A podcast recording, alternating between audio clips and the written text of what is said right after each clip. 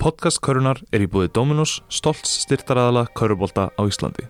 Þú fær 30% afslátt af öllum sóttum pítsum á matseli þegar þú pantar í Dominos appinu eða á heimasíðu þeirra dominos.is með sláinn kóðanum karvan.is. Karvan er líka stutt af Egil's Kristall, Tannvætt, Hollur og geggjaðu drikkur. Það sést hverju drekka Egil's Kristall.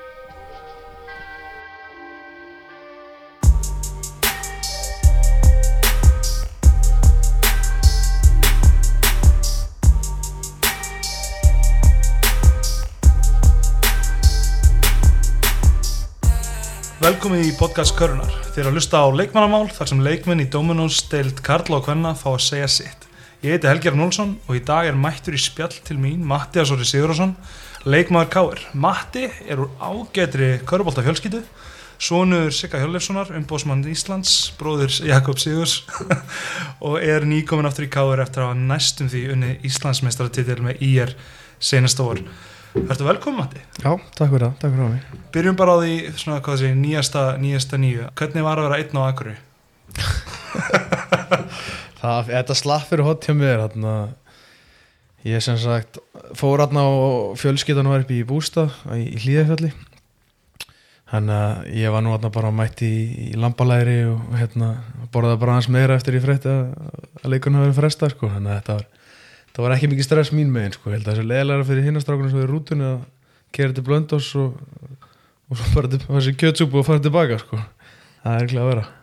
List ekki einu sinni við í höllinni, bara svona til að segja hæ. Nei, ég gíkti vörglas þetta er bara reitt sko, og í sund það var jóla, jólakvöld í sundlaugin hann í Akureyri, við fórum jóladónlist og kertalúsma, það var bara kósi Það er ágætt, en svona talandu fjölskyldra, hvernig er að vera í svona mikilli körfubólta fjölskyldu? Hvað er, hvað er?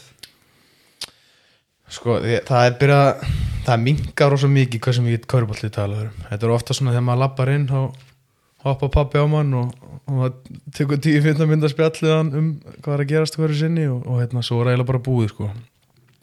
Þannig að við vitum að bróðuparti dags hjá okkur er að fara í það annarkvært tala um eða, eða hugsa eða æfa kaurubólta þannig að það er kannski fínt að geta fengið eitthvað svona smá safe zone þar sem það þarf ekki að vera að pæla í þessu, sérstaklega heimi á sér sem þetta á bara að vera, vera eitthvað þægilegt og kannski ekki vinnu tengt og þetta er náttúrulega að vinna bæðið mín svo Jakobs þannig að það er svona, þú veist, það er alveg ef eitthvað kemur upp á þá er það rætt en, en annars er þetta svona freka mikið látið í friði sko.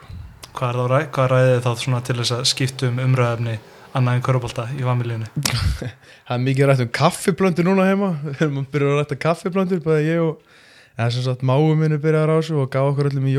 eða á Kaffiblöndu? kaffiblöndu þannig að Býtu, hvað, býtu, er verður nokkuð sátt við það? já, já, allt einn nokkuð á dag og svo er það kaffi eftir það þannig að hérna, maður er að balansa svo öllu saman, þannig að það er mikið kaffi og svo bara, þú veist hvað sem það er hverju sinni, það er mikið krökkum með heimilinu, það er mikið að vera að leika við þá og, hérna, það er oftast mikið, mikið um að vera á reynum mölum Ertu svona, ert, ertu barngóðu með, með börnum sískina hana?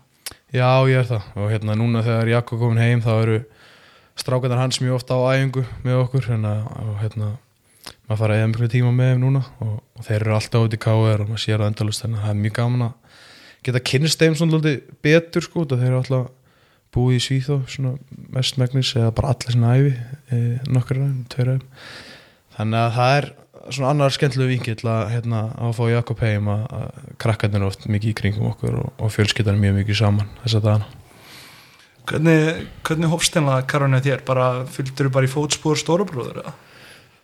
Já, sko, þetta var eiginlega meira tengt pappa svona í byrjun þetta, þegar við vorum fimm ára, fjara fimm ára, ég og Martin þá byrjaði pappa að taka okkur alltaf á æfingu, bara einn þá vorum við ekkur í fjóri, fimm strákar sem hann, smíðaði körfi fyrir okkur til að hengja svona upp á, á rimla eins og þekkti núna og, við fengum alltaf æfingu eftir einhver æfingu á honum, þannig vorum fimm strákar sem vorum fimm ára, fjara, fimm ára, sex ára. Og þannig byrjaði þetta raun og allt sko. Og fyrir utan það þá var maður alltaf með Jakobi á, á hérna, nei, með pappa fyrir ekki á öllum æfingum og skjóta og leika sér eitthvað. Og svo bara svona alltaf ægslaðist átra því að ég og Martin eru svona rosalega góði vinnir við vorum alltaf að leika okkur úti eh, og svo bara mjög fljótlega föttu að við vorum rosalega góður í þessu. Og hérna, það er náttúrulega það var líka doldið svona búst að vera áfram í þessu og hérna maður veit að það er gaman að vinna þú veist, þetta er ekki bara að skjóta hann í köruna þú veist, þetta bara svona tilfinningin á að vinna eitthvað er, hún er góð líka og, og svo bara félagskapinu frábær. Þannig að þetta byrja allt þarna með pappa held ég e, þegar hann er fimm ára og svo bara no turning back sko. Svo bara svona held þetta bara áfram.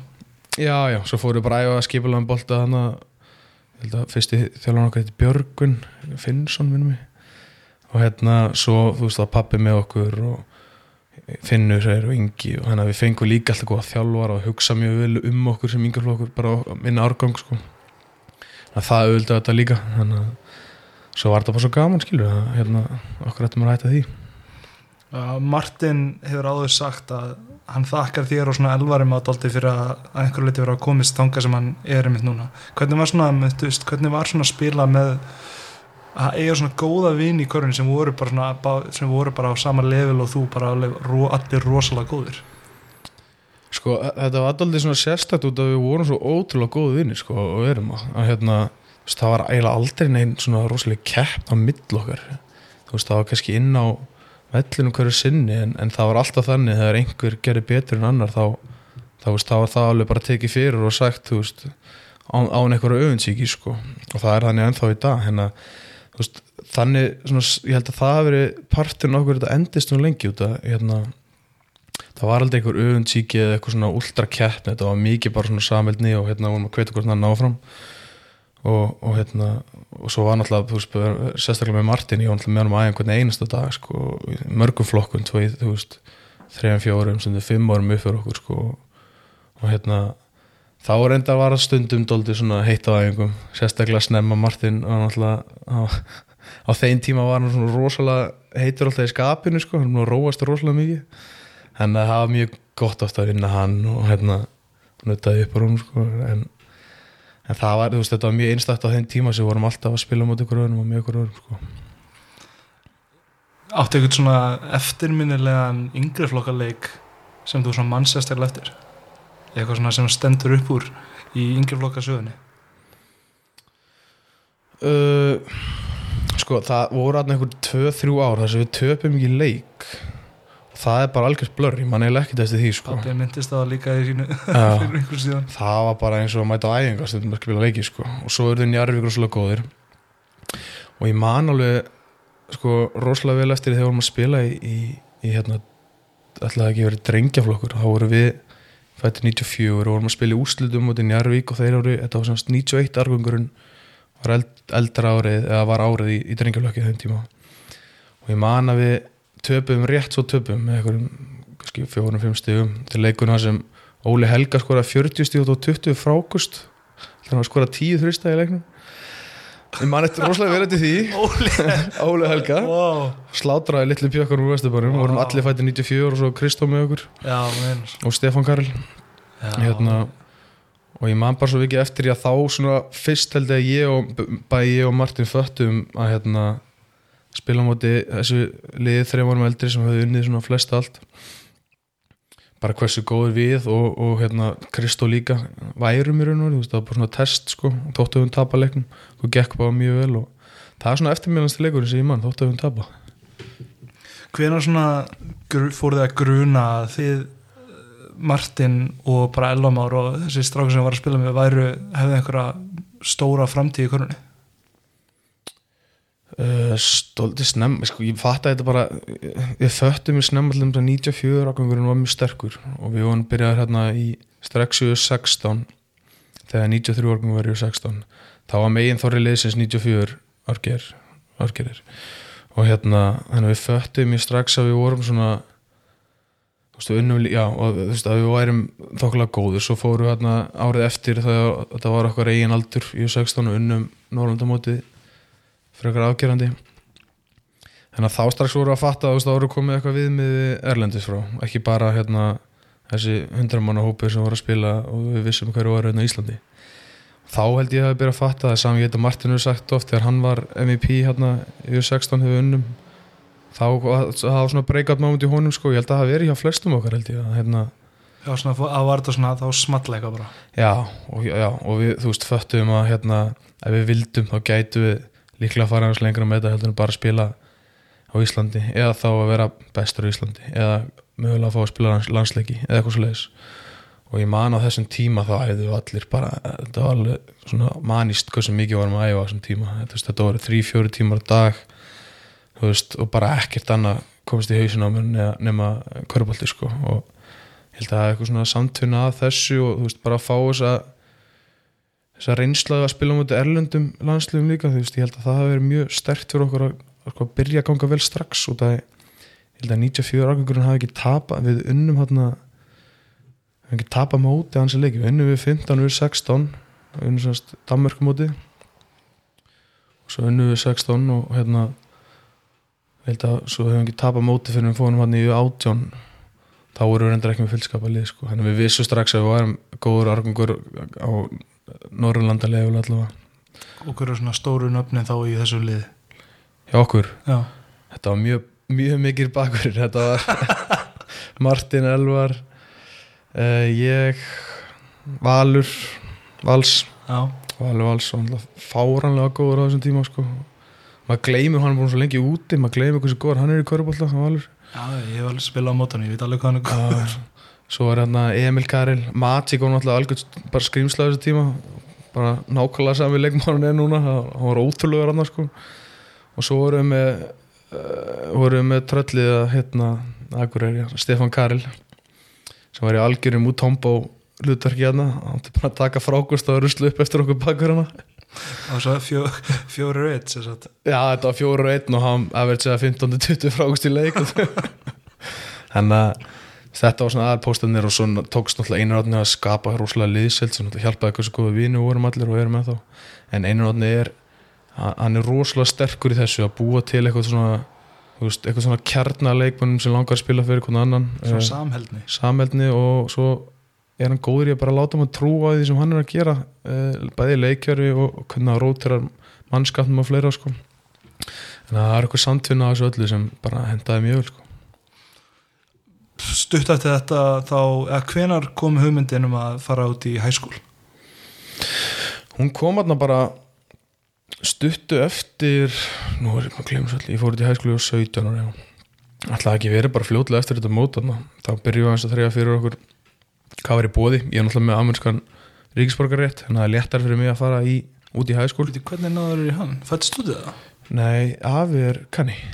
Mamma er hálfu kanni Lægi Mamma var svo sniðu, besta sem hún hefur gert fyrir mig að þegar ég fættist þá sótt hún um svona birth abroad ríkisborgarrétt Allt er lægi Þannig að- þú bara, gæst bara labbaði yfir landamærin. Já, bara ekkert mál. sko.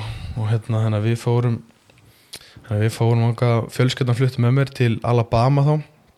Til sem þess þjálfarinn þá var strákur sem sem hérna bróðum minn spilaði með í Birmingham, Sáðan hann var búinn að taka við þessu ungu strákur hann var yngri en Jakob og hérna það var alveg ótrúlega þetta er líklega einn besti þjálfari sem ég hef verið með nokkuð tíman og hann var núna held að hann hafi búinn að vera þjálfari ásins í Alabama fylki í þrjú ári röð. Hvað heitir hann og hvað gerir hann svona góðan? hann er alveg tölfræðihus hann er mjög svona data analytic típa og svo hefur verið enginnismerki í hæskólans já, semst hæskól sem ég var í að hérna ég spila þessa Rick Bet- hérna uh, semst pressuverðuna sem hvað heit hann, Rick Bettino? Nei, Mm. í Louisville spilaði alltaf. Þetta er svona mjög fræg pressuverð. Það sem við erum með sko bara sér hlutverka sem varna með planta sér sko þetta er fullkort pressa varna með planta sér bara í ákveðin svæði. Svo pikkar upp leikmenn eftir því hverju þar. Þannig besti varnmaðurinn er sko fremst vinstra megin, næst besti hægra megin og svo er aðal svona það sem einhver myndi kalla safety í NFL Mm. hann er í miðjunni og þetta er bara upp á þú veist, þeir eru bara að hleypa leiknum upp Svona tveir, hvað við erum þetta? Tveir er tveir já, það er svona 2-1-2 og þetta er svona bara ultra aggressiv Er, það, er verið að, er trappa á hornunum á, á miðunni eða hvað er verið að gera? já, og markmið er aldrei að stila boltanum bara að hleypa leiknum upp sko. Já, ég búið til svona kaos og þetta er sko, þetta er sama þetta er sama pressuverðn og til dæmis Peyton Siva spilaði sem spilaði með Martin og Alba, Alba Bellin hann spilaði þessa pressuverð fyrir í Louisville þegar hann unnu háskóla titilin og hérna þetta er svona enginnismerki hans og þetta er sko bara all white hverfi. Og hérna þeir eru meðal annars hérna, eina liði sem vann þess, þess, þeir hafa verið top 20 háskól, nei, hæskóli núna í bandarækjum tvö orru, bara með hvíta rík, ríkastráka bara út, veist, þessi þjálfur er alveg magnaður sko. Mm. þannig að ég læri rosalega mikið honum og þetta ár í Alabama var alveg þetta var frábært ár, það var djúft í suðurinu maður kynntist bara ef fólk heldur þessi ekki menning til í bandarækjum þá ættu að kíkja í dört í sá og það er alveg menning þar í gangi sko. Það, hérna, Hvernig fórst það að bæti ekki að 10 kíló Mér skilst að maturna sér rosalur Já, þetta er rosalega mat. Það er bara, þú æðum svo mikið Þetta var bara, þú veist, eftir leiki þá var beint upp að lifta í klukkutíma og þetta var alveg, þetta var svona háskóla prógramur og sko. Var það þar, sko, ég hef rætt við nokkra aðra þegar tala myndum það að sé- það er alltaf betra að vera á staðnum en maður er að reyna að koma sér í ykkur háskóla mm. svona, veist, með highlight reels minna, ég get búið til highlight, highlight að mm Mhm. allir geta litið vel út á reel mm -hmm. það er svona, er- hversu miklu máli skipta þú veist, að að við geta verið þú veist, hvað fegstu mörg tilbúið eða hvernig, hvernig, er- hvernig var næsta skref Sko, þetta er svona bara strax og úst, strax sem maður er búin að sína einhverja tölur eða búin að fá einhverja, e- eitthvað myndefna að sér, þá byrja þjálfarnir alveg fullu, sko, og þeir fara að nota öll sambandi sín, þeir fara að hérna, senda e-mail út um bara alla bandaríkin og sjá svo bara hvað viðbröðin eru, sko. Uh, mikilvægt í þessu er náttúrulega að vera með einhvern veginn að geta komast inn, það er bara algjör grunnur. Og svo er, þú veist, ég held að það verið gott fyrir mig, sko, út af þessum tíma var ekkert svona bila algengt að strákur voru að fara út í háskóla. Það var alveg eitthvað um það hvert ár. En, en hérna bara þessi bestu bestu voru að fara í góðu skóluna og ég viss alveg að, hérna, að hérna, mín leiði væri líklega að fara hann út og ég hef alltaf viljað að pröfa það sko. þannig að ég hugsa að það hjálpa mikið og ég veit ekki hvernig það enda þegar ég ákvað að vera áfram hérna heima út af því að maður vissi ekki hvernig spilatífnu væri þá á þeim tíma og ég hef þá mögulega þurft að fresta þessu eitthvað lengra sko. en að almennt held ég þess að alltaf eh, ég hugsa að ég hafi gert þetta það sem er best fyrir mig á þeim tíma en kannski er það ekki best fyrir alla sko. Af hverju var það, fyrsti skólinn hann hétt Flagler eða ekki? Jú, flest, jú, fyrsta háskólin uh, b- hvað hva allir þú valdir hann? Var það, var, það, var, það, var það liðið, var það mínúturna var það þjálfarinn, hvað, svona, hvað, hvað, hvað ítti er í þá átt? Sko það var uh, það var þjálfarinn, við lestu vel á hann uh, og bara trúði því, því sem hann var að segja. Svo er þetta ástaröndin í Flórida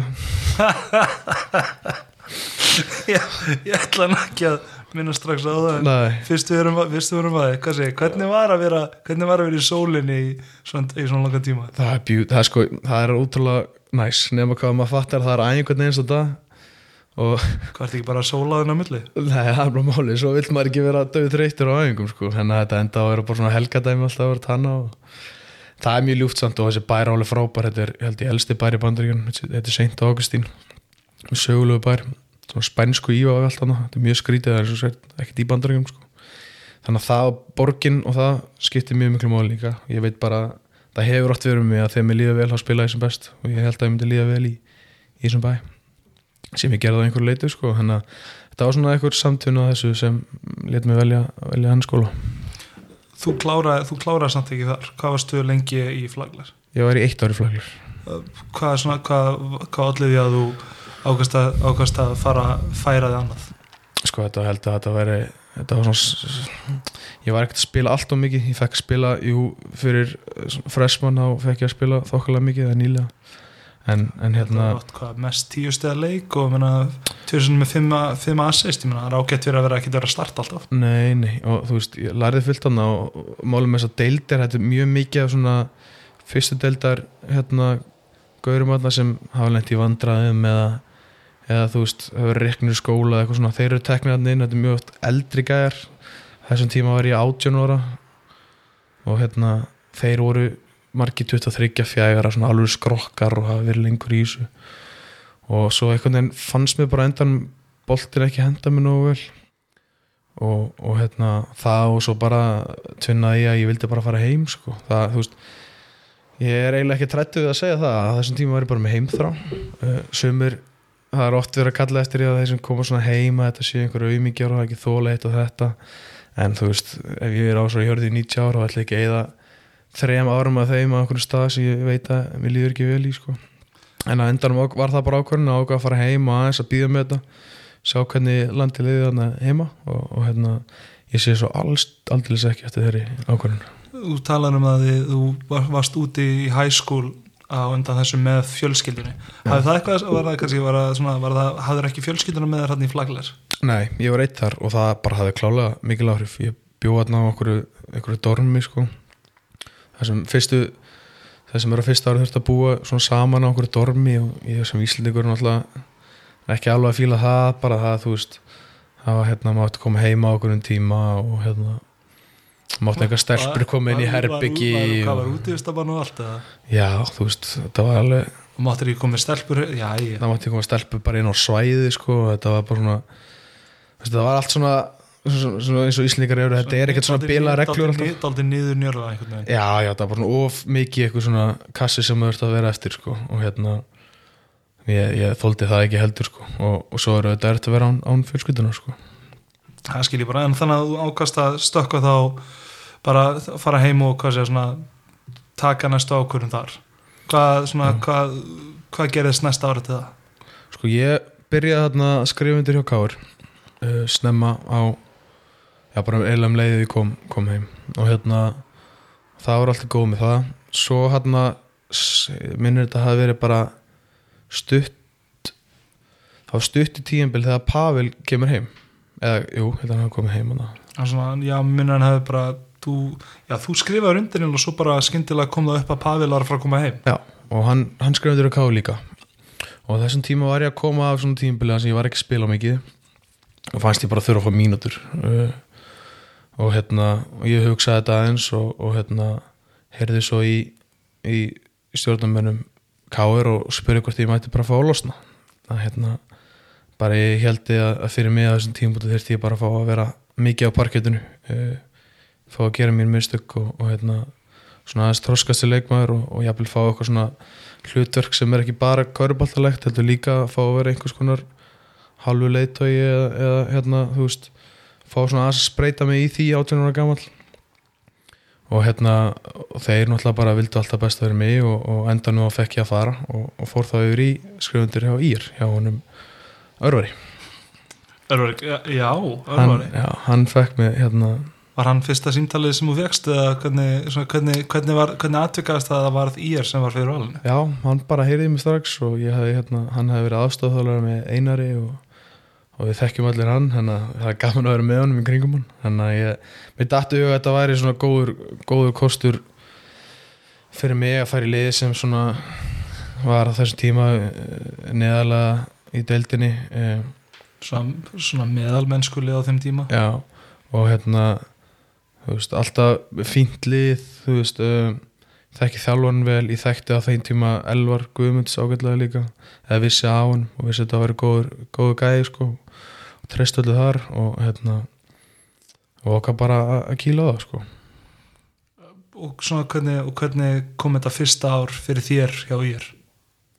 Sko ég held að þetta, það, það var ár var bara í algjör sprengja fyrir mig persónulega sko. Uh, deildin, ég hef aftur að horfa á myndbönd á deildina, deildin var ekki mjög góð á þessum tíma. Var þetta þetta, er ekki frábaköruball sem spilaði hann var þetta 4 pluss 1 reglu árinu eða? já, þetta var það. Ég, sko, með þess að ég held ég held að ég hafa með fimm þrennur á þessu tímabili þú veist, getur ímyndað þér? Ég meina þú ert ekki, þú ert sko, ég skal ég gef þér alveg, þú ert alveg heldur naskur að ná þér í frákvöst, þannig að það er er ekkit lóku fyrir að skota og náður nokkrum þrennum. Nei, nei, en þú veist þetta var svona, ég og Pavel úr að berja um þessu þrennu til skilur, þetta var svona það var allt mjög skrítið, sko, ég var 18 ára en hérna þú veist, þannig að já, ég held að það ár hafi svona doldi svona, það hafi mótað mér doldi mikið sem svona meistara flokks leikmaður, sko.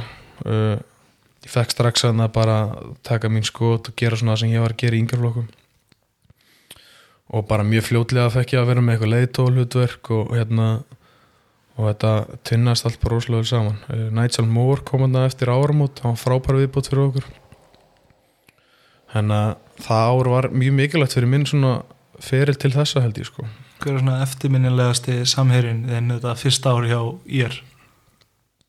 Uh, sko ég mér fannst Nigel Moore vera rosalega eftir, eftirminnilegur sko. Hann hérna, það var svona ultra karakter algjör svona hérna algjör svona veteran á þessum tíma. Ógæslega skrítin körubólta stíl en skora alltaf gett mikið frábá varnamöður hvernig var hann með skrítin stíl? Bara, þú veist, hann, hann reyði sér svo veist, þetta var svona algjört svona, svona skrítið hörki tjörkimúk sem hann alltaf með hann og hérna en svo var hann bara frábæð leitói líka og bara svona þú veist, það var alltaf að hjálpa okkur hjálpa okkur liðsfélunum, hann vissi að hann var að fara lið sem var búin að vera ströggla á þessum tíma með að ná í sigur þannig að ég held að ég har lært rosalega mikið honum þetta fyrsta ár, en svo verður maður náttúrulega líka að nefna klasserinn.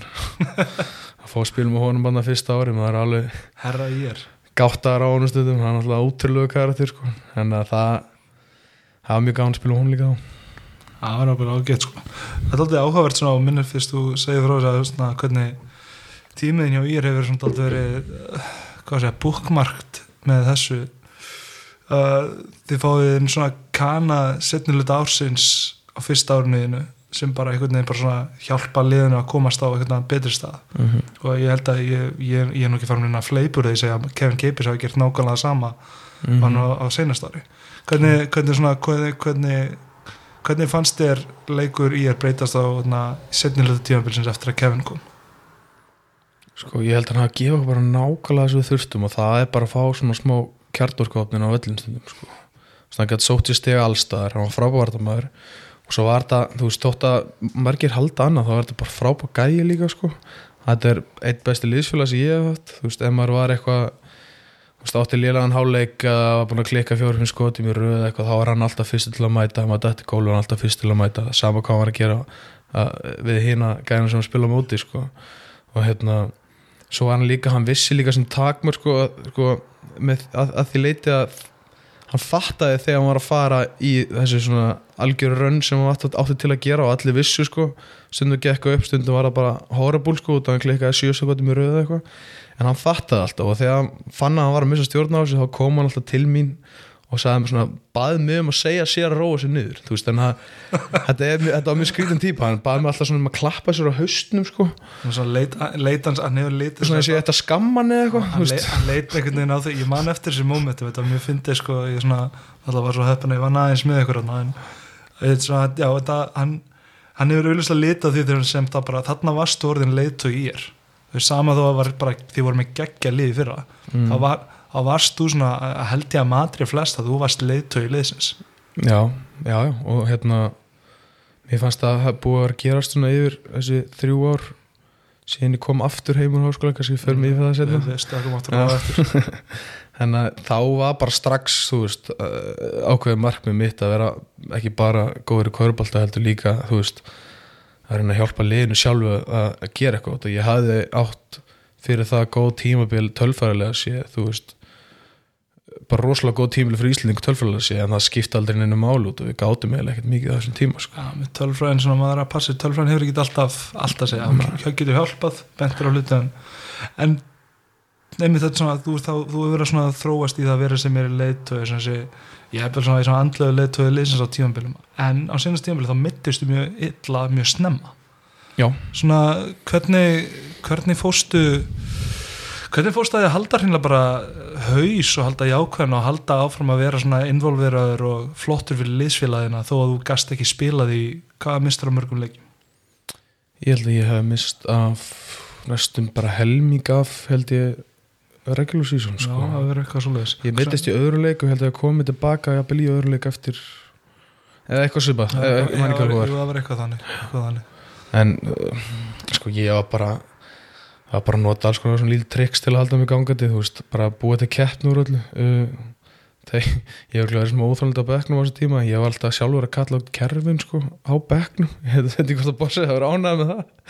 En uh, þú veist, ég var bara alltaf enn að finna eitthvað leið til að, að gera þetta bara komið sjálfur minn í leikin þótt ég hafði ekki verið á á parkitinu sjálfur sko. Og svo það var kannski aðalega erfitt bara utanfrá sko, maður náttúrulega verður svona hálf þungurallur og færinga útrás skilur, þú veist, svona það er stór partur svo líka, að þegar maður reyfur sér í tvo tíma á dag, hvernig einsta dag er að keppa einhver, þá svona hann að maður bara pústa öllu út sko öllu sem er að gerast í daglegu lífi en, að, en, en á endan þá hérna þá var það svo sem ekkert rosa, rosa mikið má svona frekar snemma gæti ég byrja að skokka á svona litla hluti þannig að þetta var svona prósess sem var svona frekar auðvilt sko. mér er að segja maður svona bara svo ég tíktakir nú ei, úr minnunni á mér ég man nú bara þegar þú gast valla sko, þegar þú gast valla labba varstu samt svona að láta einhvern aðstofa þjálfara bara frákasta fyrir mér varst að taka sett sko bara allan ringin al, mm á meðan á æfingum stóð. Já, en svona, þú veist, svona hluti skipta máli. Þetta er bara eitthvað venjur sem maður að, þú veist, ég hort á Jakob til með skera og, og sem maður hefur bara vanist að, á að gera endalust frá það maður yngri, sko, þú veist. Eh, það hefur nú að vera eitthvað sko nánast 20 ára sem að ég þarf að fara í kvörubóll einhvern einsta dag. En að, að reyna að sleppa því er, er bara ekki hægt sko. En að maður finna á bara eitthvað aðra leið til að fá að vera með bollan í hundunum sko ánum förum í lóktíðanbilsin senast að stökkum aftur þá þrjú ár aftur í tíman á uh, setna háskóla bolta þitt mm -hmm. hvernig aðtökaðist það? Þú, þá, þú, kemur aftur í ég átt ágætt tímabil berst um þrennu titilin við hann Pavel Mm. og hvað svo? Svo, sko þetta voru minnir þetta að vera tvö ár þetta er allt fara, ég held að það vera tvö ár sem ég var heima í er uh, svo á þessum tíma þá var svona þá var þetta kjærst minn fekk skólastyrk til að spila fótbolta í þessum skóla. Columbus State það ekki? Jú, í Georgia og hérna og ég bara fór að kíkja aðeins hérna bara hvernig hverjabóltaliðið var og ég sá að það var mjög gott á þessu D2 leveli sko. Og svo bara hérna byrja ég að heyra þessi í þjálfórunum eða pappi og, og hérna pappi heyri svo í fyrrandi leikmanni sem spilaði náður og, og pappi var með svona var umbúskmannars og hann dolli komið svo alltaf á stað sko. Og endan rettaði hann með þessu samningarna og, og við ákveðum bara að fara saman hann að tvö og svona, þú veist, þá voru við bara með íbú saman, ekkert eitthvað campus stótt, skilur, þetta var svona meira fullorðslegt sko. Þannig að ákveðum að tekin, já, bara, þú veist. Leð, leðir betur í Columbus State en leðir í flaglar? Já, ég hugsa það, bara með meiri þú veist bara meira fólki með mér, skilur, og þetta var svona maður svona fekk að gera meira bara sem maður vildi gera, þetta var ekkert þessi kassi sem ég talaði um áðan, sko. Og þetta bara að mæta aðeins og svo þetta bara frál, sko. Og, borgin var við fín og gott við þarna, þannig að þú veist. Það var, það var, þú, þú sagði það var í, Gjörgju eða ekki? Mm -hmm. aftur svona aldrei svona suðuríkja suðuríkja stemmingi þér. Já, þetta var svona Hafði það eitthvað að segja?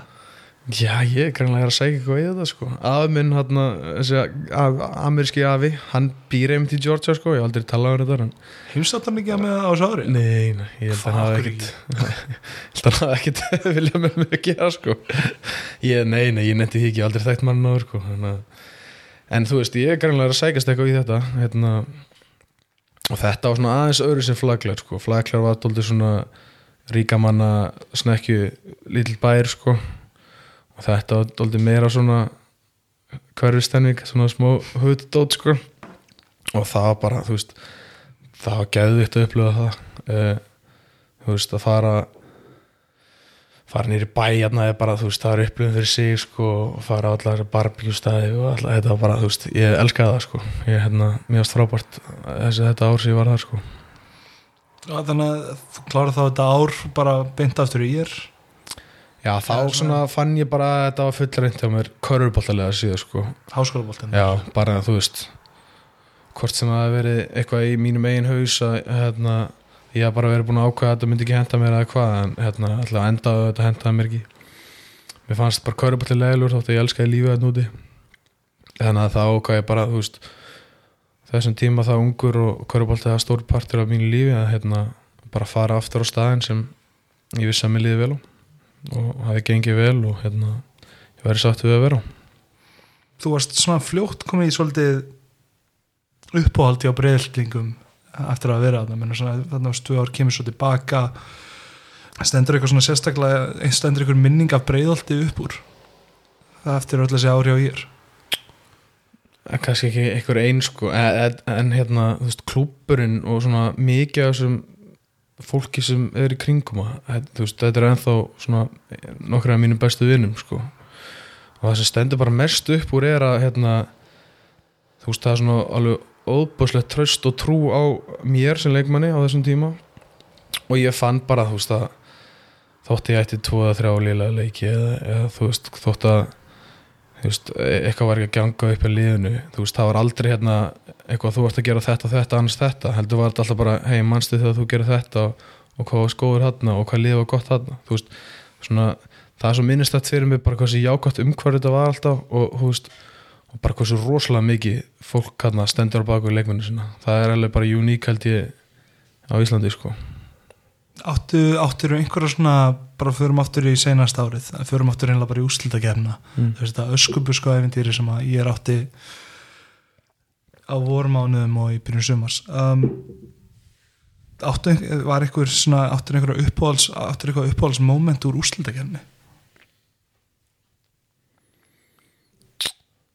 uh, sko, það er tvent, þristurna Sigurkvæls Já, við glemum því ekki það er bara svo fallegt að sjá út að þetta er maður sem leggur sér svo fáralega mikið fram og fær kannski ekki alltaf flestu skotin í leiknum eða eitthvað svona, þú veist svona sjæn á sig sjálfan sko mm. það var útrúlega bara það var útrúlega fallegt að sjá regla þristur niður þarna. þetta, þetta var rosalega fallegt moment sko. og hérna uh, svo mæn ég líka vel eftir þegar ég fór á vítalun og setti tvö víti þarna í lokin til að koma sér framlengingu það hafði verið að ströggla rosalega á vítalun og, og hérna þessi tvö moment svona ég man alveg sterklega eftir þeim sko.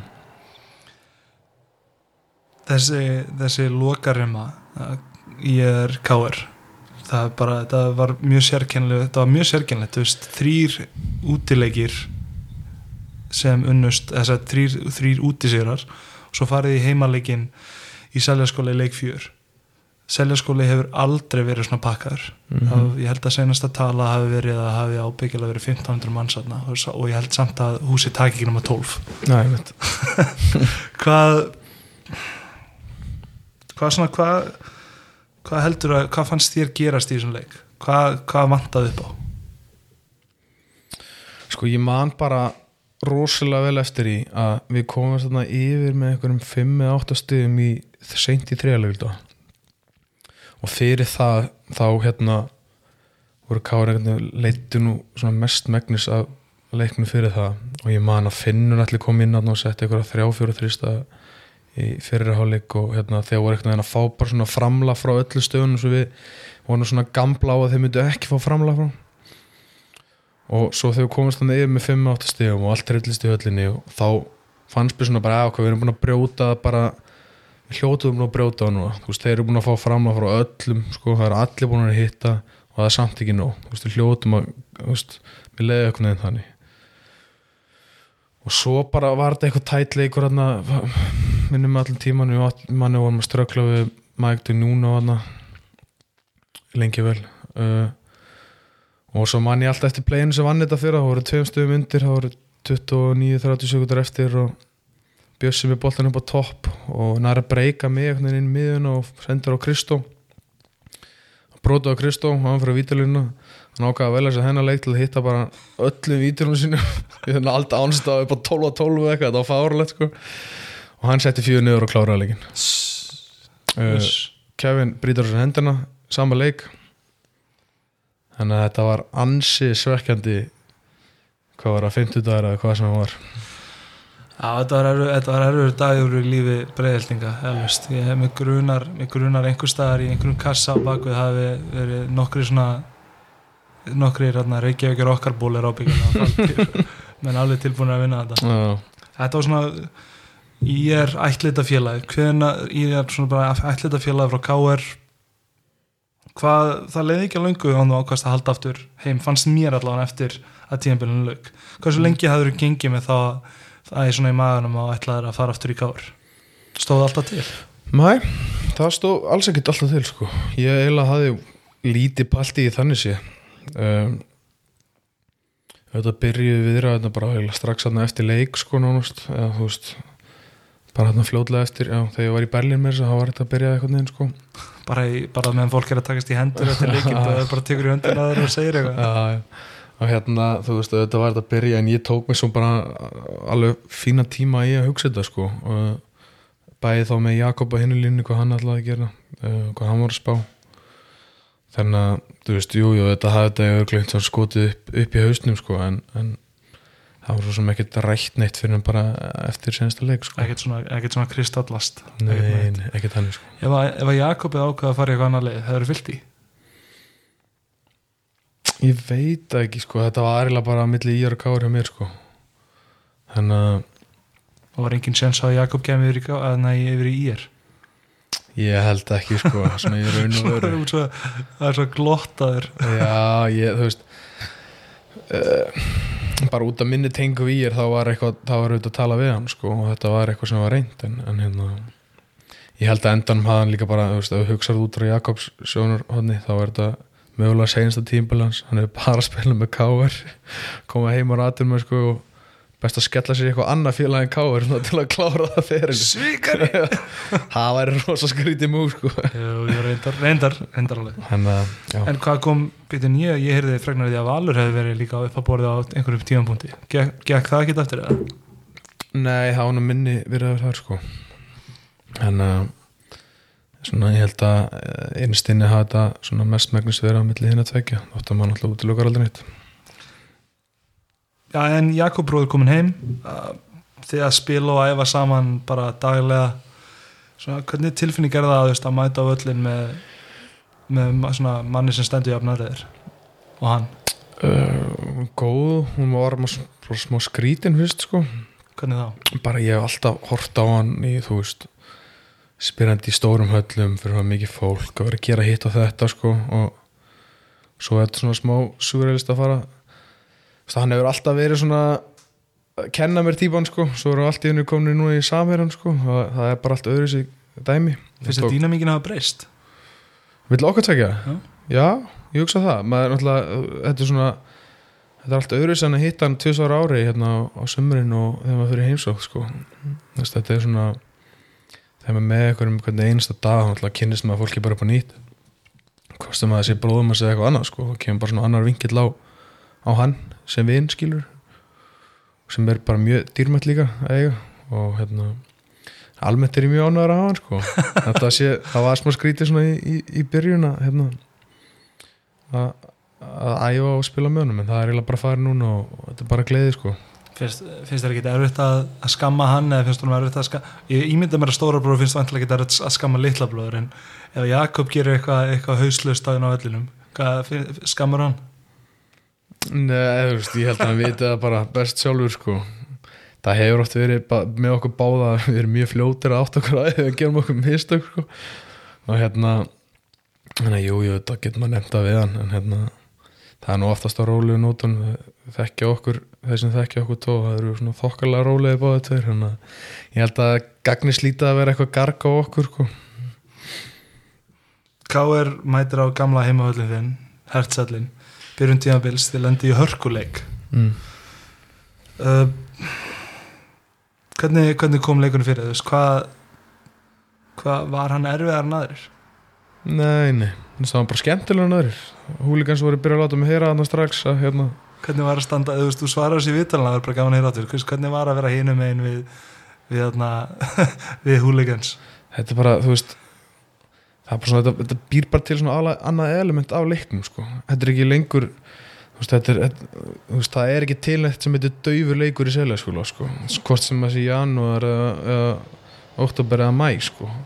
Þannig að, þú veist, það er bara gaman að fá okkur annan til að gýra sig upp líka. Þá er maður ekki að sæka sig út hérna að sæka sig inn og bara fá okkar sem á öðru sér pepp mann alltaf breytir svona dröllir sem maður fær bara í í algjör ástímann sko. Og þannig að það er undirliggjandi saman hvað ég segja sko. En að þetta var bara skemmtilega leikur að spila. Með uh, hvernig ég minnist hans en nú bara við vorum með með hann að leika allan tíman þeir tóku svona klassist ír múf að vinna okkur fjóraleg sem bara ég er, er ókslega góður í. Og við höfum og þeir og þegar ég var þarna höfum við rosalega góður í að vinna leiki, close leiki í fjóraleg þið eru einhvern veginn svona orðir á orðin á senast árum í er hellin er orðin bara eitthvað, eitthvað bara rosalegt ví mm. Er, er, er það bara húligans er það einhver bara svona hug, hugafarsbreyting hjá liðinu, hvað heldur þetta að sé? Þetta er bara, eða bara bæði en huga, þú maður sé náttúrulega bara huga fær í er klúb sem breytast sem þessu þrejum mánu fáralega mikið sko. og ég held að þetta sé bara í takt við það veist, þetta er bara þetta er ekkit flóknar það en að bara eh, finna inn, inn í sér að maður eigi að vinna sko. ekki að það sé nóg að vera einhvern tætleik og það hefur ansótt verið nóg í breiðaldi svona fyrir, á, fyrir, fyrir þessi þrjú tímil en að hugafarsbreytingin er náttúrulega rosalega og, og hérna ég held að það sé svona mjög stór partur af okkur að vinna svona mikið af- klósleikum Já, þeir eru þetta það er líka voðalega gaman að vera nynni þegar maður getur alltaf, sko, hei, maður heyri alltaf í flautunni eða í gjallarhorninu þegar að fyrir öllum öskrunum og glöpunum mm -hmm. uh, Hvað leikmann hlakka þig yfirleitt mest til að mæta á vellinum í dómunastildinni? uh, sko það er að spila um þetta ægi er eiginlega alltaf langstasta challenge fyrir mig persónulega við erum báðið náttúrulega uh, svona frekar litlir á velli og við erum hraðir, eigum báðir á hraðir og ægi er náttúrulega geði sturðlega hraður sko, þannig að ég ætla ekki alveg að hérna, vera miðað við, við hann. Og svo er hann bara, þú veist mér, besti bakvara varnamæður landsins og bara held ég svo við höfum nánast nokkuð tíman haft átt á Íslandi sko.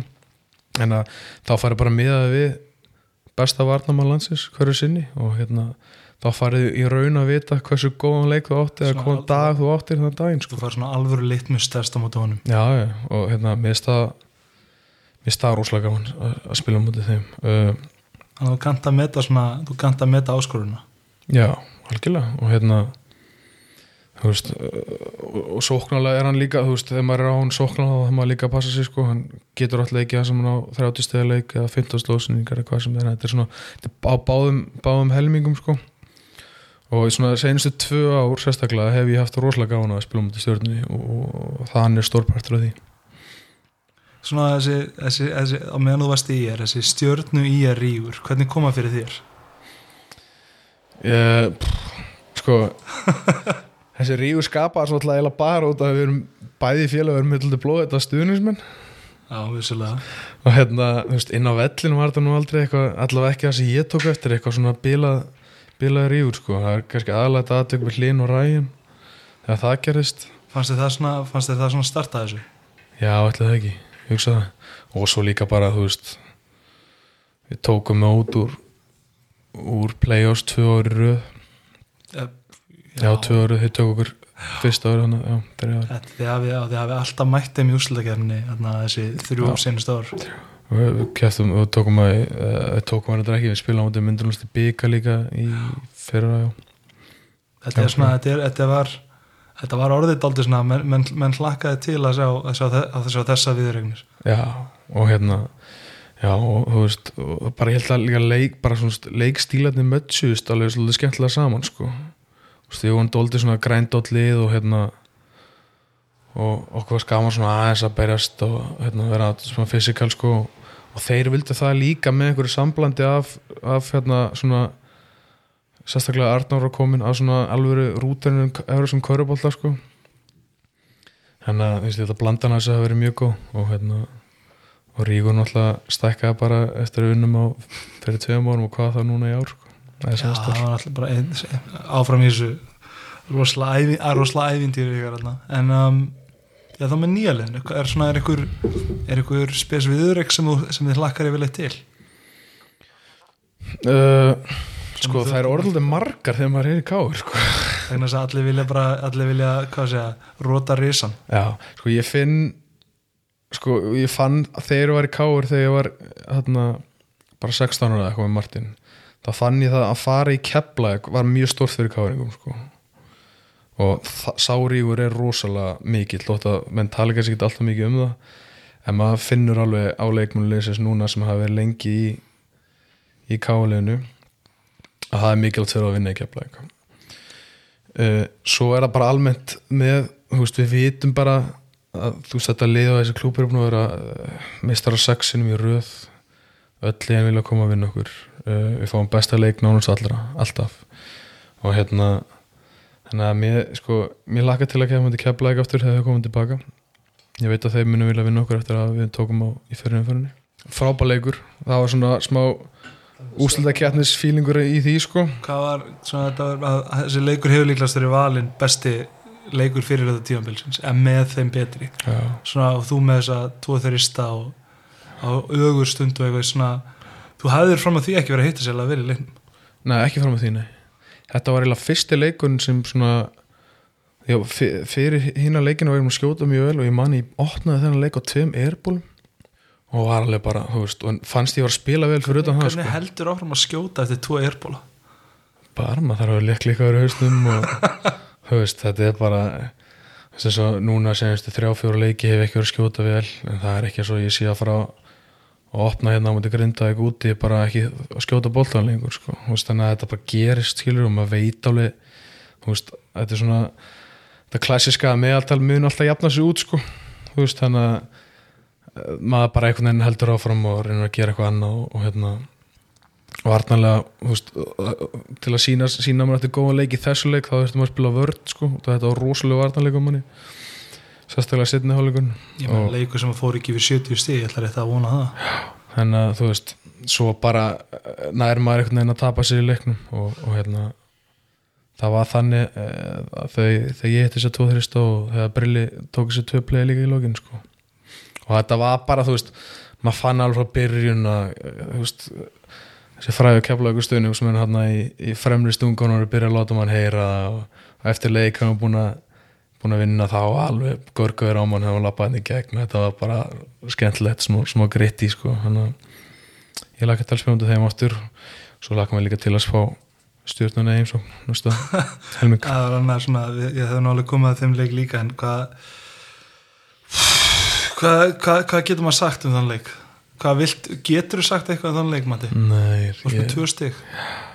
ég held tvö held ég að vera sko einn af fjórtan í skotum eða eitthvað þú veist liðið var náttúrulega algjörlega fáralega liðlega þarna, allir sem eitt sko andlusir uh, bara eins og við varum ekki tilbúin í, í hérna þetta liðálega þenn tíma þannig að það er kannski ekki tægt að segja skilur við bara vorum hrikalega stjarnan gjöð svona hlupi yfir okkur á þessum tíma. Að skólið bara leiði upp til leiði upp til leiði upp og hérna einhvern veginn náðu hausin að detta af þessu kálið sem er tóli skrítið sko. En en hérna þetta var fínt svona smá eikakól fyrir byrjun tímbilaðna að rúlla fyrstu fjórum, fimm leikjunum og bara þurfa að svitna sko heldum að við varum bara bestir í heiminum og þú veist, það var bara ekki þannig. Við varum komin rosalega stutt í öllum undirbúning, varnarlega, sóknarlega sem lið, samheldi, hvað er við viljum skora, hver er að gera hvað, hvað þú veist, bara alla spurningar eru ósvara hjá okkur. Og við fórum ekkert að að aðtúa þær bara fyrir við fengum svona skell sko og hérna erum bara í þeirri vinnu núna. Svo menn á að kasta þið fram að þú sett ekki að standa eins vel og áður vegna þess að sért með svo marga stjörnur í káiliðinu og bara, veist, og, og sérst hérna bara með stjörnur í augunum yfir öllum þessum reynsluboltum og legendum. Uh, finnst þér erfitt að taka skotið þegar að Jón Arnór eða Jakob bróður er að byggja um aukasendinguna? Nei, nei, ekki tannig sko. Ég, sko það getur vel, það fylgið bara að vera í káir eða fylgið hvernig ári var í fyrra bæði hjá mér og ég og allt umtalið um það sko. En maður alltaf það er ótrúlegustu sögur sem koma út um allt sko. Maður bara maður kemur alltaf á þess að það kemur einhver ný saga um, um hérna hvað er að fara að gerast hérna eftir mánuð eða hvað sem það er sko. Er eitthvað að fara að gerast þetta mánu? Nei, bara ekki neitt sko. Þið eru konum með, konum með nýjan atna, þið eru komið nýjan króatíska leikmann Dino Sinak. Já, Er vona okkur um fleiri breytingum? Eða eh, sjáu þið eitthvað fyrir ykkur? Ég veit ekki, ég hef heyrt talað eitthvað með allum jafnvel sko, að bæta bakverði. Við erum með þrjá meita núna bakverði. Ég, ég heyrði alveg opasla að finna grófisöðu frá honum Thomas Steindós að þú er jafnvel að leiðin aftur í íjar Já, Tómi Steindus tala alltaf bara skýt sko. það er alveg að það er hreinu það er kannski hann sem var að búið allt til. Hann segast nýður á sunnudum með pítsu í hendinni og byrja að plotta niður hvað hann alltaf að segja um káir í dag. Já, ég verið að þú veist, hún líti að bara líða helviti vel núna, meðsli og erfiðir byrjun hjá okkur á tímanbílunu þú veist, hvað er þetta bara, er þetta bara þessi ekki komin í blant í undirbúninginu, svona, hvað vantar upp á? Við erum komið mjög stótt já, við erum komið mjög stutt þar og hérna þú veist, svo bara tóku við þetta slæma rönn, það var bara aðeins og langt sko, þú veist, öll, öll í munu og eru að fara að gera þetta. Kefla ekki búin að aðeins búin að aðeins búin að vera alltaf að verra enn og voru í byrjun, það voru fárlega góðir í byrjun og hérna og þannig að það munu öll í taka eitthvað svona í, í gegnum gegnum deildi keppnina og, og hérna kannski er það bara fínt að við fengum að vita þetta strax að við værum ekkert svona góður og við þurftum að vinna almennilega í þessu. Uh, ég held að fyrst og fremst var þetta bara að ég vonum ekki alveg nú vissur um hvað veist, í hverju vorum góður í sko, hvað identity okkar er. Uh, Hvað heldur þú að, hvað heldur þú að erum sé með besta erlenda leikmann í deildinni í teg það ætti vantilega að vera akkjör okkar alltaf myndi ég hugsa. Og sem það hefur náttúrulega verið sko og svo bara þurfa að finna leiði til að, að opna okkur hína af það eru nánast alltaf fimm leikmennin á vellinum sem geta, eru góður að spila. Það eru alltaf fimm leikmenn sem geta tekið ákvæmur og hérna og ég hef enga e, engar áhyggjur með mun ekki finna út af því sko. Uh, Þannig að ég hugsa að það veri gott að fá Andino inn líka, uh, bara upp á að bekka leikmannhópin aðeins þar sem það er hansi mikið meðsli hjá okkur. Og svo hérna bara reyna að kera þetta stað, reyna að fara á annar rönn og hérna kannski ekki endilega sko bæða fókus á vinnarleiki og svo eitthvað en að að fatta meira meira með hvernig leiknum hvað við erum góður í og hérna reyna svona aðeins að hamra á því. Hvernig er þá búningslegin á Káir hefur, K- hvernig hefur búningslegin á Káir verið undanvarið er, er, er hann á stór fyrir öll þessi stóru nöfn? Já, þú þar með talin Já, já, þú veist, má, málega er að við þekkjumst allir rosalega vel. Uh, sérstaklega eldri gæðnir þegar að spila saman endalust ég hef al- alveg stuð með þeim líka og Kristó náttúrulega líka. Þannig að ég held að þetta sé aldrei vandamölu um eitthvað svona egodút þú veist, ég ég hérna ég held að það sé, þú veist, það er hérna að, að hérna fara hann á öllin og hugsa núna þarf ég að gera þetta og hitt, þú veist, þetta er ekki þannig. Ef ég fæ ekki mín 20 skot þá er ég brjálaður. Já, þú veist, þetta er ekki þannig, þetta er bara allt öðru þessu umhverfi en bæði ég vanur í sérstaklega og aðrir, en að einbýlingin er bara að vera að að vinna leiki og verða betri og hérna veist, það er ekkit að klikka í búnisklefan með káa núna sko, menn er ekkit litli rísur og panika sko, það er alls ekki þannig. Allavega ekki í leikmannótnum sko, en að maður finnur bara fyrir, veist, meira svona urgency á að finna út lausnir heldur en að vera eitthvað að öskra sko, þetta þarf náttúrulega að vera meira tactical heldur en emotional svona responsi við fyrir partinum. Eh, hefði við farið á þóra til Akureyrar og, og fengið að spila og vonandi unni þá eru 7-4 og, og, og hérna Ísland er að tala með bara eins og segjum að leiðinni niður um deild sko, þá erum við líklega í þriða fjóra seti þannig að þú veist Við, sko, það þarf náttúrulega að taka Thomas Steindors og félaga bara inn um eitt og út um hitt eira og hérna, við erum doldi level headed í þessu og hérna, vita hvað við getum. Já, sko, ég meina ok, maður getur svo sem alveg verið ósamálum Tómasi Steindós en þetta er annað önnu endalínan hefur líka endalínan var um daginn að koma út með sitt, sitt álit og eh, ég held að þú hafið því miður verið þarna, verið vann leikmann sem allir mest um vombrum fyrir þetta tímabils mm. hvernig vil svara því?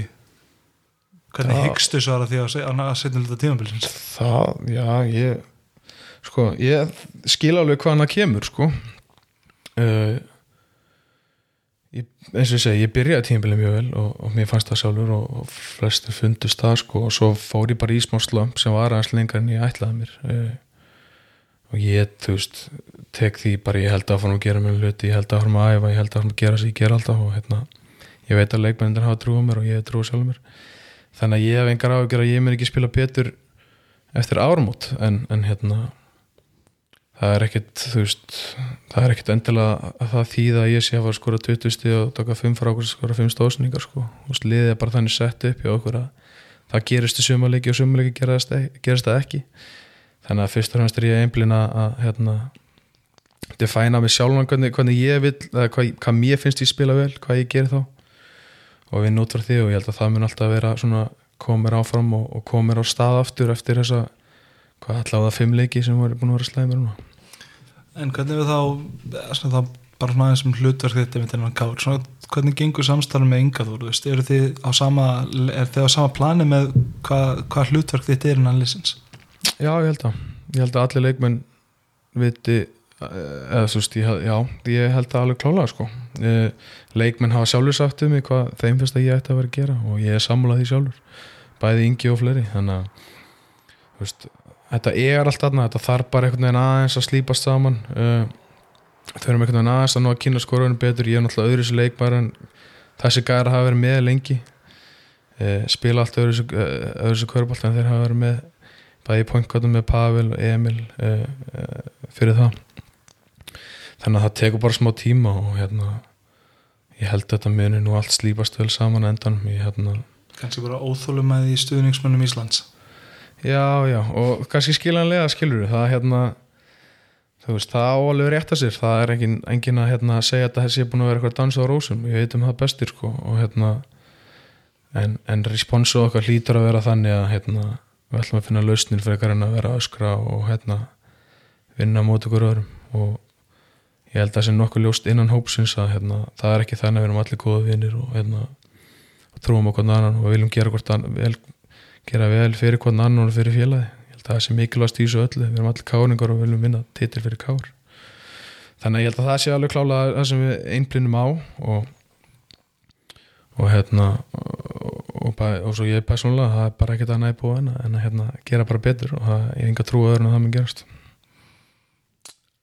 Já um, svona, eða svona þetta er tvíþætt spurning, svona fyrir maður að rappa þessu upp þetta er tvíþætt spurning Fyrsta lagi, svona, hver er besti leikmaður sem mannst eftir að hafa spilað gegn, annarkvort gegn eða með, hér, eða- hér eða erlendis og hvernig sér þú fyrir þér frábæna leikmann? Það er að segja svona, veistu einhverja leið til að sjá samstundis hvort að leikmaður sé geggjaður eða svona innan gæslega bara góður?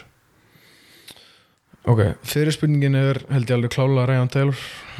Það, sáleikum var algjörlega ótrúlur uh, við byrjum hann þegar hann kom fyrst að nota hann bara undir teg og hann var rosalega skrokkur. Og hann var bara unstoppable þar, það gæti engin stoppa hann í teg svo fór hann að færa sér lengra og lengra og fór að hitta þristum út um allt fór að taka menn að dripplinu, tróða þú veist. Hann var gatt bara gert allt gæn og hérna úgesla mikið vinna líka, þú veist, hann vildi rosalega mikið vinna þannig að ég held að það sé svona eh, ég hugsa að það sé besti leikmaður eða svona uppáðsleikmaður sem ég spila með út að hann gerði lífið mitt og margar mjög auðvelt á þessum tíma. Það er lett að taka pikkuról með honum. Já og bara ef maður þreytur og henda maður bara inn í teg og hérna leiði hann makla orða sko. Þannig að já og svo með hinarspilning hvað var bara, byrjum þá bara til þess með ræðantölu Sástu samstundis að Ryan var eins góður og hann reyndist þeirra já ég ma- man eftir því að hann tapaði ekki leik held ég fyrstu tíu dagan á æfingum eða eitthvað. Og þetta var bara svona þú veist hann ætlaði ekki að tapa leik. Og það sá maður strax bara hversu milli vinnur hann var, hversu mikið að skipti fyrir hann að fá þessi bragging rights að fá að vera að vinna, þú veist, að fá að láta sönna klassin heyra eftir hvernig einasta leik sem hann tapar.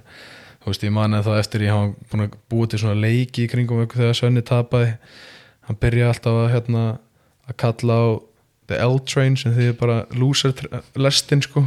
Og var alltaf að byrja sönnum að drífa sig í styrt út og hann var að fara að missa lestinni einn daginn kom hann með útbrentaðan svona lesta meða og að meða í stuppböksunum og var svona um alla æfinguna.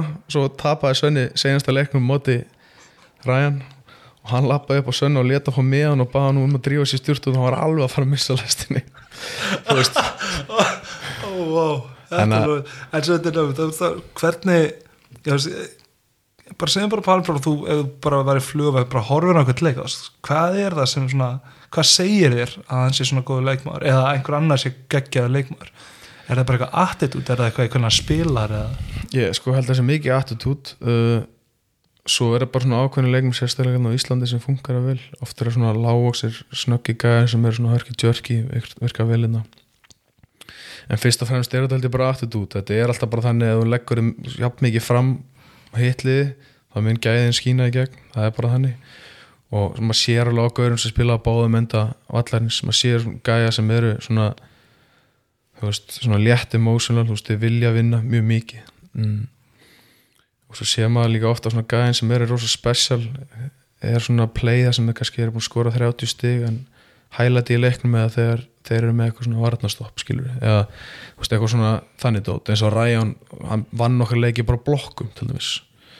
Veist, bara eitthvað svona effort play sko og með 30 stig og 100 frákust í leiknum en maður alltaf mest eftir þessu sko. En svona gæða sem getur spila báðum end, bá, báðum endum vallarins og eru með eitthvað svona votta eitthvað svona leita á elementi og svo bara algjörst vinning með taldi svona, veist, svona hundar sko. Það er oft svona það sem maður kannski horfir mest á. Ert þú svona? Já, ég hugsa að það sé ég legg mig alltaf rosalega mikið fram alltaf. Ég tel mig að vera ákveðs leita og reyna að spila báðum endum vallarins alltaf. Þannig að, jú, jú, það er einhver vondur að hana ég ætla að reyna að gera Uh, Matti, þetta bara þetta spjallar allt sem ég vildi að væri. Bara, kallið mig, bara gangi vel á setni hluta ásins að ekki ekki vera, ekki aftur fá svona ekki vera vombrið á setni hluta loður Ég skal lofa því. Takk hjá að vera Matti Takk, takk